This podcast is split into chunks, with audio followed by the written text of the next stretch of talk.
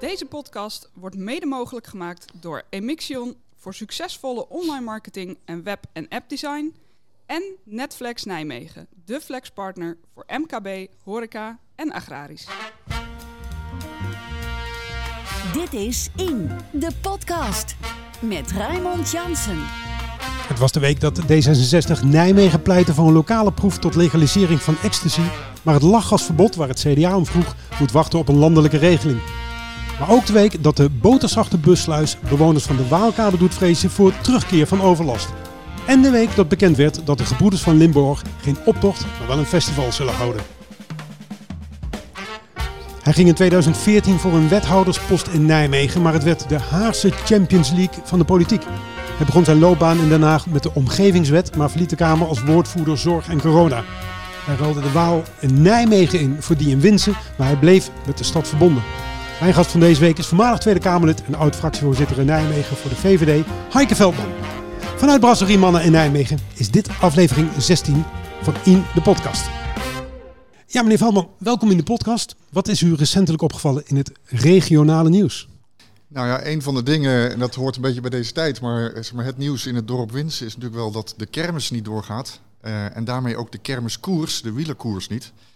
En die wielerkoers heet uh, Jozef Jansen Classic. En het aardige is dat ik in het huis woon waar Jozef Jansen vroeger zijn uh, wielerzaak had. Ah, kijk aan, want even voor het, voor het beeld. U heeft misschien wel 30 jaar in, uh, in het centrum van Nijmegen gewoond? Ik heb 30 jaar in Nijmegen gewoond, waarvan 20 jaar in de binnenstad. Ja. En, en recentelijk, dus naar wie? Sinds 2018 in Winsen. Ja, dan heb je denk ik met heel ander regionaal nieuws te maken.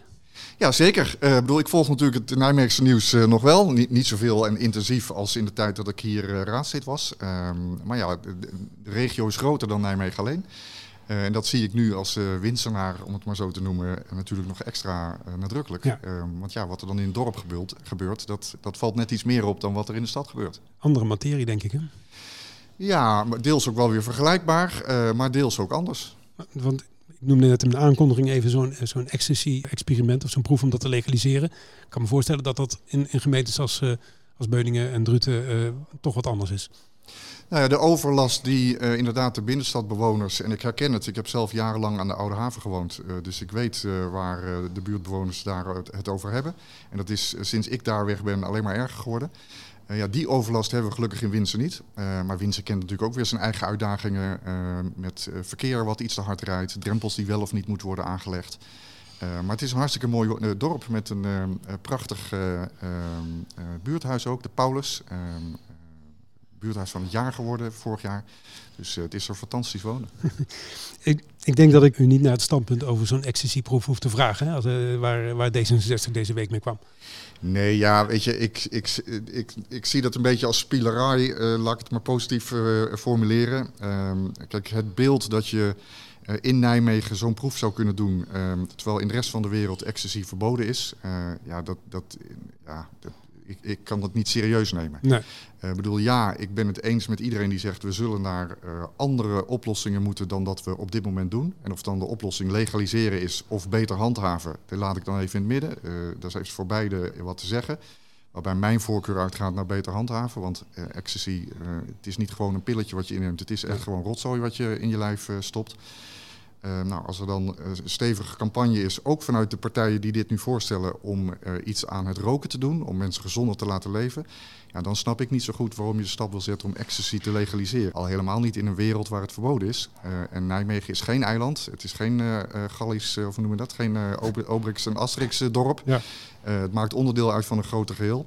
dus dit is niet iets wat je lokaal even kan regelen. Nee, toch biedt het verkiezingsprogramma van D66, waar ik nu u niet zal uh, over, over horen, maar die biedt er ruimte voor. Hè? Die zegt we moeten dit soort dingen proberen lokaal, uh, in ieder geval een experiment ja, lokaal. Je, ik zou zeggen, steek je energie als uh, gemeente en als raadslid in de problemen die bewoners hier hebben. De overlast bijvoorbeeld op de Waalkade, hè? de busluis ja. waar je het net over had, wat, waar bewoners van aangeven, ja, dit is geen oplossing, want iedereen rijdt er inmiddels gewoon weer overheen. Uh, nou, die overlast ken ik uit eigen uh, waarnemingen. Wat ik net zei, ik heb jarenlang aan de Oude Haven gewoond. Doe daar iets aan, steek daar je energie in. Maar ga je energie niet steken in een, ja, volgens mij, kansloos experiment. Nou werd ik op Twitter vanmorgen gewaarschuwd door een andere raadslid. Die zei, let op, het is geen plan, het is geen idee, het is geen voorstel. Het is een natte wind van een fractievolger. Nou, zover zijn we nog lang niet, hè?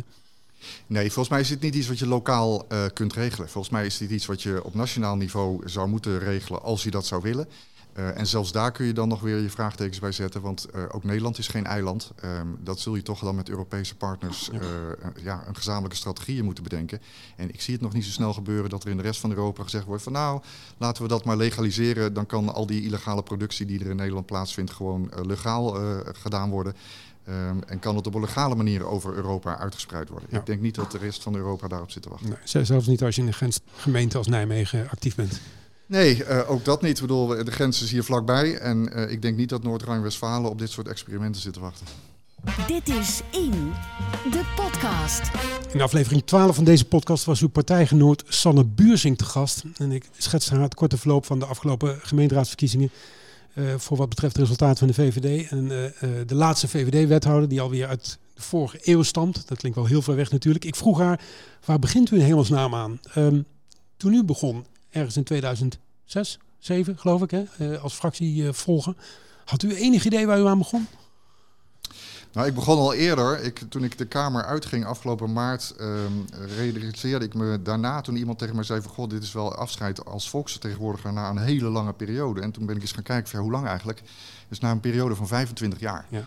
Ik ben halfweg jaren 90 uh, al begonnen als uh, fractievolger uh, en inderdaad in 2006 raadslid geworden. Um, uh, en ik heb in mijn periode als raadslid, toen andere mensen zich dan bij uh, de VVD aanklopten van goh, ik wil actief worden, um, heb ik ze altijd één ding voorgehouden van als je in Nijmegen voor de VVD actief wil zijn, dan heb je wel lef nodig. Uh, want het is een progressieve stad, laten we het zo formuleren, waarbij de VVD altijd een bescheiden omvang gehad heeft. eigenlijk altijd rond de vier, vijf zetels, meestal vier. Um, waarbij inderdaad uh, de keren dat het, uh, de VVD aan een coalitie heeft deelgenomen, ik geloof dat het in de afgelopen 50 jaar uh, vier keer geweest is. dus dat is heel weinig. Um, dus je hebt behoorlijk wat weerstand als je als VVD hier wil profileren. Ja, is, is de VVD-fractie in Nijmegen dan ook qua, qua signatuur een ander soort VVD-fractie als elders in het land, in andere, in andere steden? Nou, ik weet niet of de signatuur heel anders is. Kijk, je moet je altijd, um, hè, daar ben ik dan misschien ook historicus voor om dat te zien, je moet je altijd een beetje aanpassen, accommoderen met een mooi duur woord aan je omgeving. Dus dat zal betekenen dat uh, sommige standpunten die je lokaal kunt maken en uh, waar je lokaal je eigen keuze in kunt maken, in Nijmegen misschien net iets anders zullen zijn dan in een stad waar de VVD uh, dominant is. Ja. laten we bijvoorbeeld in Gelderland blijven, in Apeldoorn is de VVD volgens mij de grootste. Ja, daar zal sommige keuzes net iets anders zijn eh, dan dat we ze hier als VVD in Nijmegen maken. Maar in wezen is de partij natuurlijk hetzelfde. Ja. Uh, het is een liberale partij. Uh, waarbij de uitgangspunten uh, hetzelfde zijn voor elke VVD'er in het land. Dus ja. de verschillen zijn ook weer niet zo groot als dat soms gedacht wordt. De invulling misschien iets progressiever. Ja, uh, misschien op sommige vlakken, omdat je uh, als je dingen wil bereiken, zul je compromissen moeten sluiten met uh, ja, een, een groot aantal partijen die ja, anders in de wedstrijd zit dan dat de VVD zit. Ja. Kijk, en als je de grootste bent, waar we in veel gemeenten en steden als VVD de grootste zijn, ja, dan kun je um, zelf de lijnen uitzetten. En hier zul je als VVD iets meer compromissen moeten sluiten. Er vielen net al wat, wat jaartallen, u even lange staat van dienst hier in, in Nijmegen. Um, Laten we eens teruggaan naar 2013. Toen vond u als een van de eerste dat we eigenlijk moesten stoppen met de stedenband met uh, Gaziantep. En dat was ongeveer kort nadat er hier nog een plein naar, uh, naar Gaziantep was vernoemd ook. Kunt u nog eens uitleggen waarom, uh, waarom u toen dat standpunt had? We hadden een aantal stedenbanden en daar kwam, uh, volgens mij was het met name een wens van Guusje de Horst, de stedenband met uh, Gaziantep in Turkije bij. Ja. Um, en er is niks mis met vriendschapsbanden en stedenbanden. Uh, maar de primaire vraag die wij toen als VVD gesteld hebben, die ik toen ook als fractievoorzitter stelde, van goh, wat um, wordt de Nijmeegse bevolking hier wijzer van? Uh, en heb je een gemeentelijke, uh, gesubsidieerde stedenband nodig om een vriendschap te hebben met mensen in een stad ergens anders in Europa of in de wereld? En daar kwam eigenlijk geen fatsoenlijk antwoord op. Nee. we zijn daar toen ook heen geweest. Ik ben toen ook mee geweest. Daar was sommigen nog weer wat kritiek op. Die zeiden van ja, je bent er tegen, waarom ga je dan mee? En ik had zoiets van, nou, ik ga mee, uh, want ik wil me dan laten overtuigen. Ik sta ervoor open ja. om te kijken of het toegevoegde waarde heeft. Uh, volgens mij heb ik er nog voor de Gelderlander ook een, uh, nog een soort dagblog bij gehouden. Um, waarbij ik eigenlijk elke dag tot de conclusie kwam, met alles wat ik nu gezien heb en iedereen die ik gesproken heb, zie ik de toegevoegde waarde van een gemeentelijke stedenband niet. Nee. Uh, en had ik ook toen zoiets van laten we nou de energie en de tijd die we daarin steken, steken in datgene wat er in Nijmegen speelt. Waar ja. de problemen die we in Nijmegen hebben. Gold dat ook voor die band met uh, Pskov? Ehm, ja, waarbij uh, zeg maar voor Pskov en Masaya ik dan wel de kanttekening maak dat die in een heel ander tijdsgevricht uh, gestart zijn. Uh, dus een heel ander vertrekpunt hadden. Ja. ik bedoel, de relatie Nederland-Turkije, de relatie Nijmegen-Gaziantep, die was er eigenlijk niet. Volgens mij hadden de meeste Nijmegenaren nog nooit van Gaziantep gehoord. Dat zal voor Pskov en uh, Masaya destijds waarschijnlijk ook gegolden hebben. Alleen de situatie tussen Oost en West, hè, um, het Westen en, en de Sovjet-Unie. Tussen um, Nijmegen en uh, zeg maar, Nicaragua, waar uh, in begin jaren tachtig de Sandinisten uh, probeerden het, de, de, dictatuur ja. omver te werpen. waarbij overigens de huidige president, een Sandinist, eenzelfde soort dictatuur weer gevestigd heeft. Ja. Maar dat zeiden, is een heel ander vertrekpunt. Ja. Um, en dan, toen zag je ook dat er echt een actieve club in Nijmegen was. Mensen in Nijmegen die die band levend hielden die was er niet met Gaziantep. Er was niet al een actieve club die zei van goh, gemeente kun je aanhaken. Het was iets wat vanuit de gemeente geïnitieerd werd. Dus u zegt niet, ik ben a priori tegen zo'n soort stedenband. Het moet wel echt iets opleveren. Ja, het moet iets toevoegen. Dus er moet, uh, er moet al draagvlak in de samenleving zijn uh, waarbij je als gemeente iets extra's kunt toevoegen. Want ja, het kan helpen als je bestuurlijk ook banden met elkaar hebt. Ja. Alleen dit was een stedenband die door de gemeente zelf werd geïnitieerd. Ja. U zou geen VVD'er zijn als u in die tijd niet ook regelmatig mopperde over bijvoorbeeld dingen als slechte bereikbaarheid van de stad, uh, belastingdruk, uh, te veel uh, subsidies op cultuur.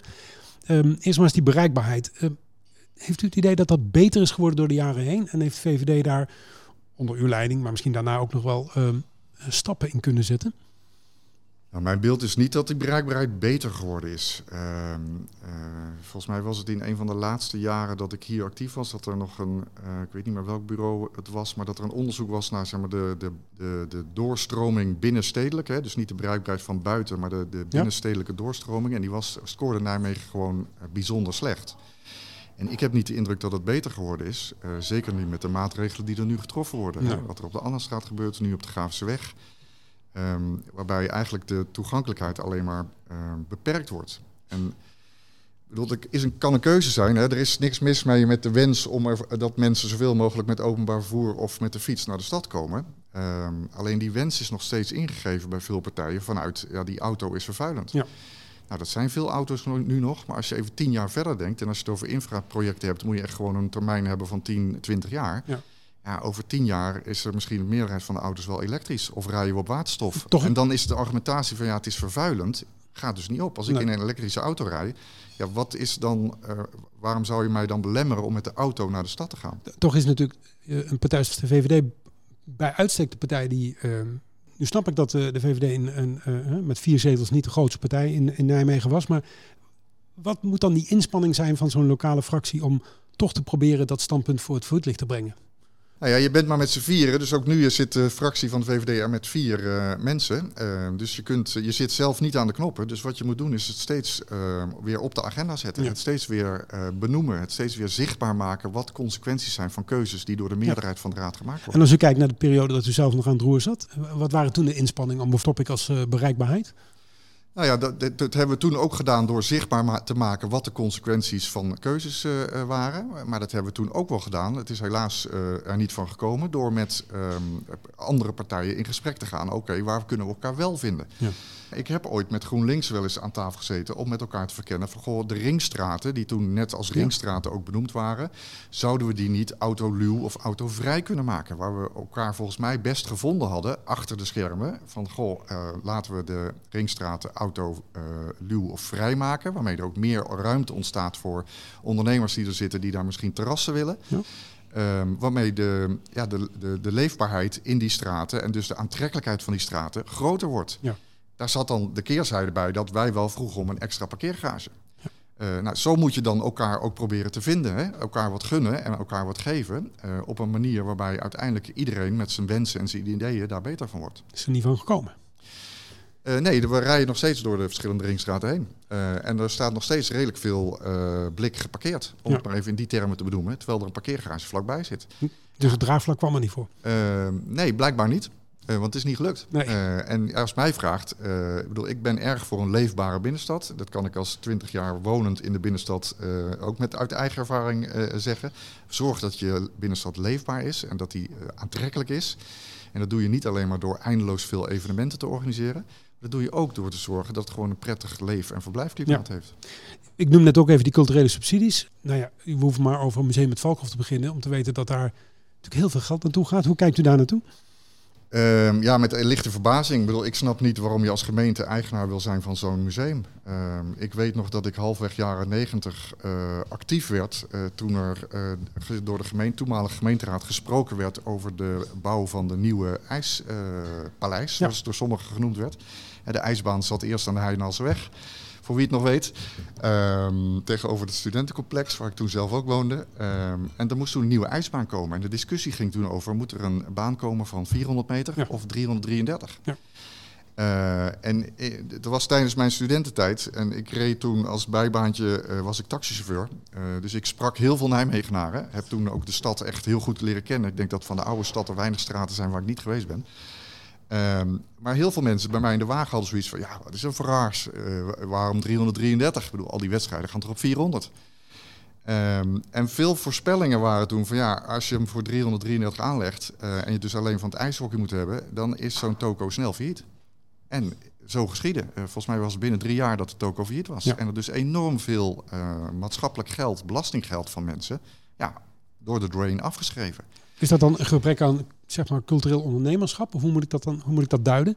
Nou ja, misschien inderdaad gebrek aan ondernemerschap, gebrek aan besef van ja, uh, het uh, een wens hebben en iets realiseren met heel veel geld uh, wil niet zeggen dat het een succes wordt. Ehm, dus je moet ook goed nadenken over wat betekent het om de exploitatie overeind te houden? Wat betekent het om zo'n toko goed draaiend te hebben? Nou, Valkhof uh, heeft de afgelopen jaren successen gehad, maar heeft ook gestruggeld. Um, er zullen vast allerlei verstandige keuzes gemaakt zijn en ook keuzes waarvan je achteraf kunt zeggen, is misschien niet de beste keuze geweest. Maar primair blijft voor mij dan de vraag overeind staan in de stap die nu gezet is. Waarom moet je dit als gemeente doen? Heb je daar zelf de expertise voor? Volgens mij zijn er culturele ondernemers die gewoon echt verstand van zaken hebben, waar je dat dan over moet laten. Ik zie niet waarom dit een overheidstaak is. Terugbladeren. Zoals elke week bladert Rob Jaspers ook nu terug in oude kranten op zoek naar nieuwsberichten die actueel blijven. Rob, het is zomer, uh, we gaan kamperen.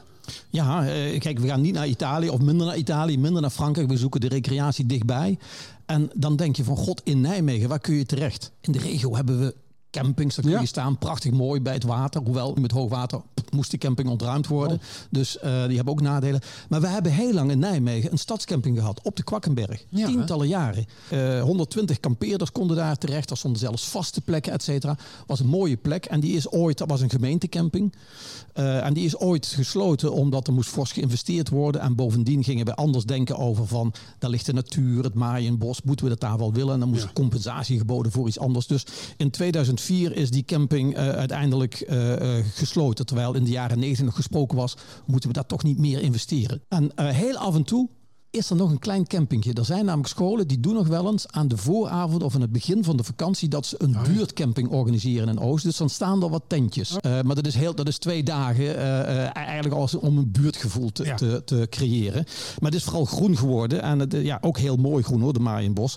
Maar ja, die stadscamping is weggegaan en dan denk je van het is overnight, je moet maar in de regio terecht. Hele mooie plekken hoor. Ik verbaas me wel eens van hoeveel campings er zijn in de regio, maar de stad dichtbij. Uh, uh, dat willen mensen toch. En dat zijn ook al in, in, in 2010, in 2011, in 2013, in 2015, in 2016 zijn er initiatieven geweest, acties geweest om zo'n stadcamping terug te krijgen. Het begon in, in, in uh, 2011. Wethouder Bert Jene van D66, die wilde wel een stadscamping. Die ging kijken bijvoorbeeld bij uh, de Vossendijk, bij de Winkelsteeg. En hij dacht, kun je een combinatie maken met Plurijn? Oh ja. de, de, die, die, zouden dan als een soort dagbesteding daar kunnen, kunnen helpen. Een kleine stadscamping. Ja. Is zomaar van de aardbodem verdwenen. Vervolgens kwam er in 2013, vond ik eigenlijk een heel mooi plan. Er waren een aantal particulieren die dachten van... hé, hey, waarom zouden we geen camping kunnen maken. Kleine camping met trekkershutten voor dagverblijven, drie, vier dagen verblijven bij het Goffertbad. Ja. En die zouden dan de exploitatie overnemen. De exploitatie is al eeuwen een probleem, namelijk kost veel geld. Nijmegen heeft ooit besloten eeuwig open houden, maar er moet altijd geld bij. Ja. En die wilden dat overnemen tegen dezelfde kosten en dan trekkershutten erbij zeggen. Die hebben een serieus plan neergezet en er waren twee ervaren uh, particulieren, die hadden elders in het land al campings gehad. En die dachten van, hé, hey, hier zouden we best... En het zou openbaar zwemgelegenheid blijven. Hè? Ja. Dus met die dingen. Maar dat zou dan louter voor, weet ik veel, citymarketing-achtige doeleinden zijn. Dat, dat is geen verdienmodel, dat is geen business. Dat is puur Nou, het zou voor wandelaars zijn, eh, eh, fietsers zijn eh, in, in deze plek om in die stad. En tegelijkertijd, als je in die stad bent, die zit op het Gofferbad, kun je wel naar het centrum om daar Ja. van die horeca te beleven. Of eh, eh, van de Waalkade te beleven. Of van een festival te beleven wat in, in, in de buurt. Het zou een kleine camping zijn. Ik vond het een fantastisch mooi idee, nooit begrepen wat afgewezen hebben. In 2015 kwam de SP met een voorstel, er moet een stadscamping terug. En toen heeft wethouder Tankier van de PvdA, die heeft toen nog eh, een vijftal locaties onder de loep genomen. En dat varieerde in Nijmegen-Noord, op het Stadseiland. Keek trouwens ook weer naar de Kwakkenberg eh, eh, om te kijken, zou daar bijvoorbeeld een camping kunnen komen. Met name in Nijmegen-Noord zag hij wel eh, eh, kansen. En toen heeft Lisa Westerveld ja. van GroenLinks, die zat toen nog in de raad, die heeft toen ook actie ondernomen, druk uitgeoefend. Dus ook GroenLinks zat erop van, hé, hey, er moet een camping komen. Het regionaal bureau van de toerisme was ook razend enthousiast. Maar ook dat is weer in, in, in, in, in stilte eh, eh, eh, verdwenen. En ja, in, in 2017 heeft iemand wel eens geroepen... zouden we bij Santa Maria, zouden we daar een kleine Oh ja. camping... die zou de, Vierdaagse camping willen uitbreiden. En er is ook nog eens een keer geweest iemand die zei van... waarom zouden we niet rond het rivierpark trekkershutten kunnen plaatsen? Zodat daar mensen zouden kunnen verblijven. Dat was een idee. En ja, ik zelf heb wel eens gedacht, tegenwoordig is het hip... Je hebt, als je in Duitsland komt, heb je tegenwoordig campings in oude industriecomplexen. Eh, nou, we hebben die, en dat is een hele actieve eh, mevrouw eh, van de papierfabriek aan de Energieweg. Waar, waar, waar talloze initiatieven zijn, dacht ik wel eens van god, zou dat geen idee zijn geweest om bijvoorbeeld in de zomer daar, ja, dus gek, ik, ik kampeer graag, in een industriegebouw kamperen zou voor mij iets compleets nieuws zijn. Ja. Maar ja, industriegebieden is soms ook wel interessant om, om bijvoorbeeld drie, vier dagen te zitten. Eén voordeel, die zit altijd droog. Dat scheelt. Dus- Ehm, maar het, het is er nooit van gekomen. Wat zou de reden zijn? Ja, het verdwijnt uit de aandacht. Hè. Eh, het, het, eh, het, ja, ik, ik- zelf denk van, eh, je kunt natuurlijk ook zeggen van jongens, kijk in de regio. je gaat hier als je vijf kilometer fiets, tien kilometer fiets, vind je, dan zit je inderdaad in het groen, vind je echt talloze campings op hele mooie plekken. Maar ja, trekkershutten, het, het koppelen aan de stad dichtbij, dat, ja, dat zou toch iets kunnen zijn. Ja, ik, ik, ja misschien, gewoon het, misschien zijn de raadsleden geen kampeerders, ik weet het niet. Dit is In, de podcast. Mijn gast van deze week is Heike Veldman, oud-fractievoorzitter van de VVD in Nijmegen. En de afgelopen zeven jaar Kamerlid. In aflevering 10 van In de podcast had ik Lisa Westerveld eh, te gast. Zij ging van een comfortabele plek in de coalitie in Nijmegen naar de oppositie in Den Haag. Eh, voor u gold eigenlijk het omgekeerde. eh, van een oppositierol naar een gespreid bedje in Den Haag. Nou, gespreid bedje zou ik het willen, niet willen noemen. Maar het is inderdaad een hele andere setting. Ik bedoel, hier als kleine ehm, partij, oppositie, naar eh, lid van een fractie die de grootste is in het parlement ehm, en ook regeringsverantwoordelijkheid draagt. Eh, waarbij die grootste, ik altijd wel weer relativeer. Hè. Toen ik in de fractie kwam, ehm, toen hadden we 41 zetels. Eh, nu zijn het er 34. Dat, dat klinkt als, ik bedoel, de grootste klinkt eh, eh, als veel, maar eigenlijk is natuurlijk eh 30, 40 zetels op een parlement van 150 is natuurlijk niet groot. Volgens mij zijn, is de VVD de grootste, nee, de kleinste grootste partij als je het Europees beziet. En ja, dat maakt het soms ook wel weer heel erg lastig en ingewikkeld. Wat is het verschil tussen raadslid Veldman en Kamerlid Veldman? Nou, als mens denk ik niet heel veel anders. Ehm, de rol is natuurlijk een totaal andere. Kijk, het mooie van eh, het raadswerk is, is dat je met alle dingen waar je mee bezig bent, ehm, het veel directer eh, mensen raakt. Eh, er wordt wel eens badinerend gesproken over de stoeptegels en dergelijke. Maar ja, dat zijn wel gewoon de zaken waar mensen mee bezig zijn, wat mensen raakt en waar ze elke dag mee geconfronteerd worden. Ehm, ja, als Kamerlid eh, sta je iets verder van sommige materie af. Alhoewel, eh, als je naar de afgelopen anderhalf jaar kijkt, zijn natuurlijk ook elk besluit zie je direct terug, ook in je eigen eh, omgeving, van wat voor impact dat heeft. Ehm, maar het grootste voordeel als Kamerlid is dat je er 24-7 mee bezig bent. Hè. Raadslid doe je naast je werk, is een bijbaan zou je kunnen zeggen. Ja. Is een, voor, veel, voor velen een uit de kluiten gewassen hobby. Ehm, en Tweede Kamerlid ben je gewoon eh, zeven dagen in de week. Eh, Er gaan stemmen op om raadsleden beter te betalen, meer te betalen, om die rol te veranderen. Zou u daar een voorstander van zijn? Ehm, nou, voor een stad als Nijmegen vind ik dat er een fatsoenlijke vergoeding eh, is. Als ik nu kijk naar raadsleden in de gemeente waar ik nu woon, hè, Winsen is onderdeel van de gemeente Beuningen. Eh 25.000 inwoners geloof ik. Ja, dan is die vergoeding voor raadsleden echt substantieel lager dan in een stad als Nijmegen. Ehm, terwijl het werk niet per se heel veel minder is. Ehm, ja, ik kan me voorstellen voor kleinere gemeentes dat je daarnaar kijkt van goh, kan dat niet op een andere manier? Ehm, waarbij je vervolgens ook wel weer moet kijken van hoe wordt het gebruikt. Hè? Ik bedoel, laten we eerlijk zijn, veel raadsleden, ook in Nijmegen, gebruiken het gewoon als aanvulling op hun inkomen. Terwijl oorspronkelijk, zo staat het volgens mij ook in de gemeentewet, is het bedoeld als vergoeding om je werkgever schadeloos te stellen. Uh, voor de uren die je niet kunt werken. U gaf in uw Nijmeegse tijd ooit aan dat er uh, voor de aanleg van de oversteek 148 vergunningen nodig waren. En uh, met die nieuwe omgevingswet, en daar heeft u zich nogal druk om gemaakt de afgelopen jaren, zou één um, vergunning voldoende moeten zijn. Um, gaat het eigenlijk nu beter in die bouw wat betreft die, die regelzucht? Nou, nog niet, want de omgevingswet uh, was inderdaad de eerste uh, grote klus uh, waar ik de tanden in mocht zetten toen ik Kamerlid werd. die was toen net bij het parlement aangeleverd en ik werd woordvoerder ruimtelijke ordening, dus ook de woordvoerder over de omgevingswet. Um, de grootste wetswijziging naar verluid sinds de bouw van het, de grondwet van Torbekke. als ik het uit mijn hoofd goed zeg, waren het geloof ik 36 wetten die teruggebracht zijn naar één wet. Ja. Nou, de wet is nog niet ingegaan, dus uh, de, nee, voordelen, de voordelen zijn er nog niet. Ja, volgens mij is het juli 2000. Ja, juli 2022 geloof ik. Ja, ja. precies.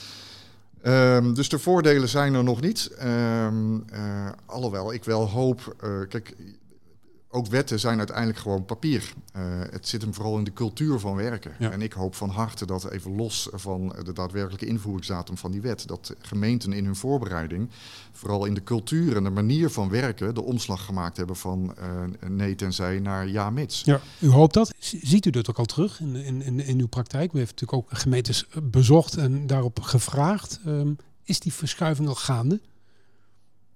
Ja, vind ik moeilijk om te zeggen. Uh, kijk, ik was woordvoerder toen ik in de Kamer begon. Uh, de laatste jaren was ik woordvoerder medische zorg. Ja. Uh, dus heb ik dat ook niet meer gevolgd uh, actief van hoe zit de gemeente daar nu in. Dus het, het zou nogal aanmatigend zijn om daar nu een oordeel over te hebben. ik hoop van harte dat er vooral zeg maar, dat culturele aspect in de manier van werken, dat dat omarmd wordt omdat dat uiteindelijk de kern is van uh, het succes. Ik bedoel, de wet uh, zelf ja, wordt alleen maar een succes als je hem goed uitvoert. Ja. En of je dan 148 vergunningen voor de stadsbrug inderdaad, um, de oversteek, of je die dan weet terug te brengen naar één of een paar vergunningen, vind ik dan niet zo spannend. Um, ik hoop dat iedereen vooral snapt dat als je voor één brug 148 vergunningen met elkaar uh, moet regelen, dat je dan heel veel aan papier schuiven bent. Ja. En heel veel uh, bureaucratie georganiseerd hebt. En dat dat gewoon echt beter ja. uh, en, en, en, anders kan. Ja, ik denk dat iedereen dat snapt. 148 vergunningen is volstrekt onoverzichtelijk als je het mij vraagt. Dat, dat zou doen vermoeden dat het draagvlak voor een spoedige invoering van zo'n wet, dat dat er wel zou moeten zijn. Maar het is nu uitgesteld, dus blijkbaar is het er nog niet. Dat lijkt me ook enorm frustrerend, alle moeite die u, die erin gestoken heeft. Nou, ik denk dat het draagvlak er wel is. Alleen um, wat erbij komt kijken is dat er dan ook uh, digitaal uh, behoorlijk wat uh, meters gemaakt moeten worden. En ja, daar zien we dat we, dat geldt in de, denk ik in de volle breedte voor de overheid, hè, welke overheidslaag je het dan ook hebt. Uh, dat zeg maar, overheid en ICT is niet per se een succesvolle combinatie, uh, om het maar eens eufemistisch te zeggen. um, dus dat, dat, ja, dat vraagt gewoon tijd uh, en, en, meer tijd dan gewenst is. Um, maar je moet dat wel op orde hebben, want als je dat niet op orde hebt, ja, dan hapert je dienstverlening. Ja. En ja, de kern van elk overheidshandelen is natuurlijk wel gewoon een goede dienstverlening. U kwam aan het einde van uw tweede termijn in de Kamer steeds nadrukkelijker in beeld, ook als woordvoerder op corona, hè, zorg en corona. Hoe kijkt u inmiddels met een wat meer afstand terug op dat beleid, hoe, op dat proces? Want dat is natuurlijk heel tumultueus geweest. Ik hoorde in het begin nog een, een, een, een bestuurder zeggen, we moeten 100% van de beslissingen nemen op 50% van de kennis. Daar zat natuurlijk ook ontwikkeling in, ook in die kennis. Ja. Blik eens terug op die tijd. Hoe, is dat, uh, hoe, hoe heeft u dat ervaren? Nou ja, als, als, als, ja, als vreemd, als apart, als uh, onwerkelijk. Uh, uh, bedoel, toen we in half maart zeg maar in die eerste lockdown gingen, hield iedereen zich er ook aan en was het echt rustig op, op straat. Ik bedoel, toen ging ik één keer in de week naar Den Haag toe, hè, want we hadden dan één keer in de week coronadebat. En reed ik gewoon over een lege snelweg. Ja. Uh, bracht weer beelden terug van begin jaren 70 toen we die uh, met de oliecrisis die autoloze, die autoloze hadden. Ja, ja, ja, ja. Um, ja, gewoon volstrekt lege snelweg. Um, uh, dus het was een beetje onwerkelijke tijd, maar het was vooral ook um, een lastige tijd. Omdat, precies wat je zegt, er moesten wel besluiten genomen worden zonder dat we alle kennis hadden. En we, we, we, geraakten in een periode waarbij er aan allerlei dingen een tekort was. Uh, en uh, er een vo volledig overspannen wereldmarkt was, waarbij uh, normaal zorgverleners, zeg maar ziekenhuizen, kochten hun eigen beschermingsmateriaal in. Ja. Logisch, want het is gewoon een zelfstandige organisatie.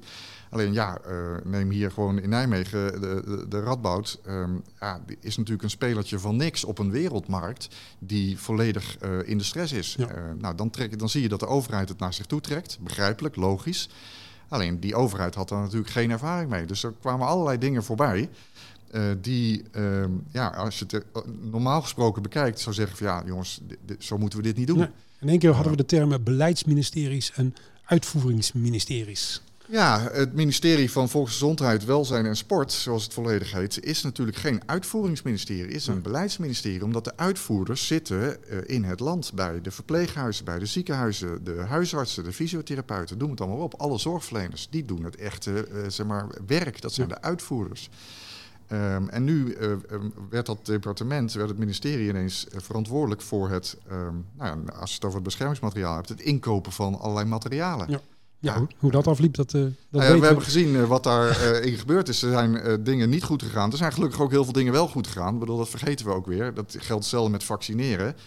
ja, ik ben net zo kritisch als iedereen op de start. Hè. Ik kan me nog herinneren dat in een debat in november vorig jaar...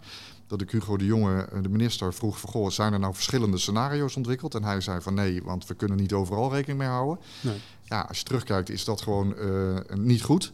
Uh, tegelijkertijd, als je kijkt naar de vaccinatiegraad nu, uh, ja, zitten we gewoon echt in de top van Europa. Uh, doen we het goed. Het werd ook een heel politiek onderwerp, dat corona. Je had bijna het idee, en dat was natuurlijk ook zo, er zit een campagne aan te komen. Het was heel politiek gemaakt. Dat is toch ook lelijke politiek? Ja, van diegenen die daar politiek van maakten, is dat niet de beste politiek. Want ehm, het bestrijden van een pandemie zoals waar we nu in zitten en nog steeds in zitten, ja, ik bedoel, politiek is leuk, um, maar je, je, moet ook gewoon dingen doen die, die nodig zijn. Ja. Uh, en daar moet je niet overal een politiek sausje van maken. En helemaal niet uh, weggezet worden als Netflixend Kamerlid. Ja, dat was het debat met uh, Geert Wilders. Want het rare was dat uh, elke week dat er wel gestemd moest worden, uh, allerlei Kamerleden die eigenlijk helemaal niet in Den Haag hoefden te zijn, naar Den Haag moesten reizen.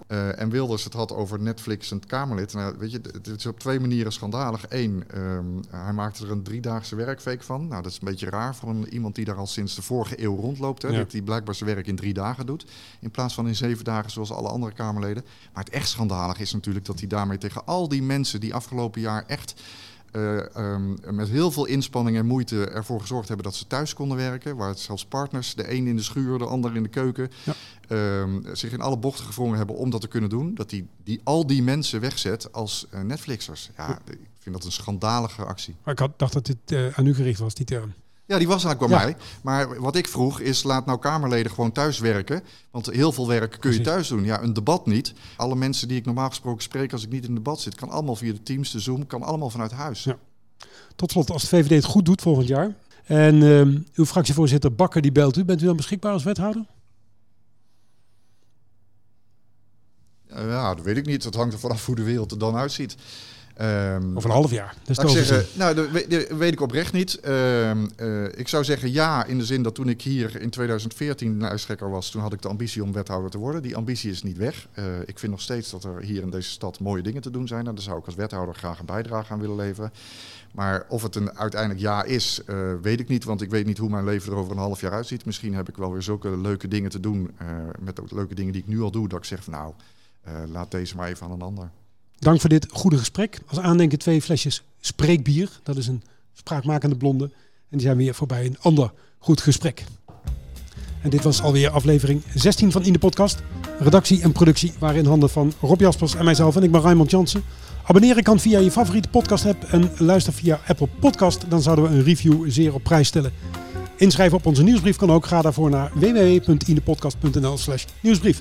En ben je ondernemer en wil je adverteren? Mail dan naar adverteren.inepodcast.nl Dit is In, de podcast.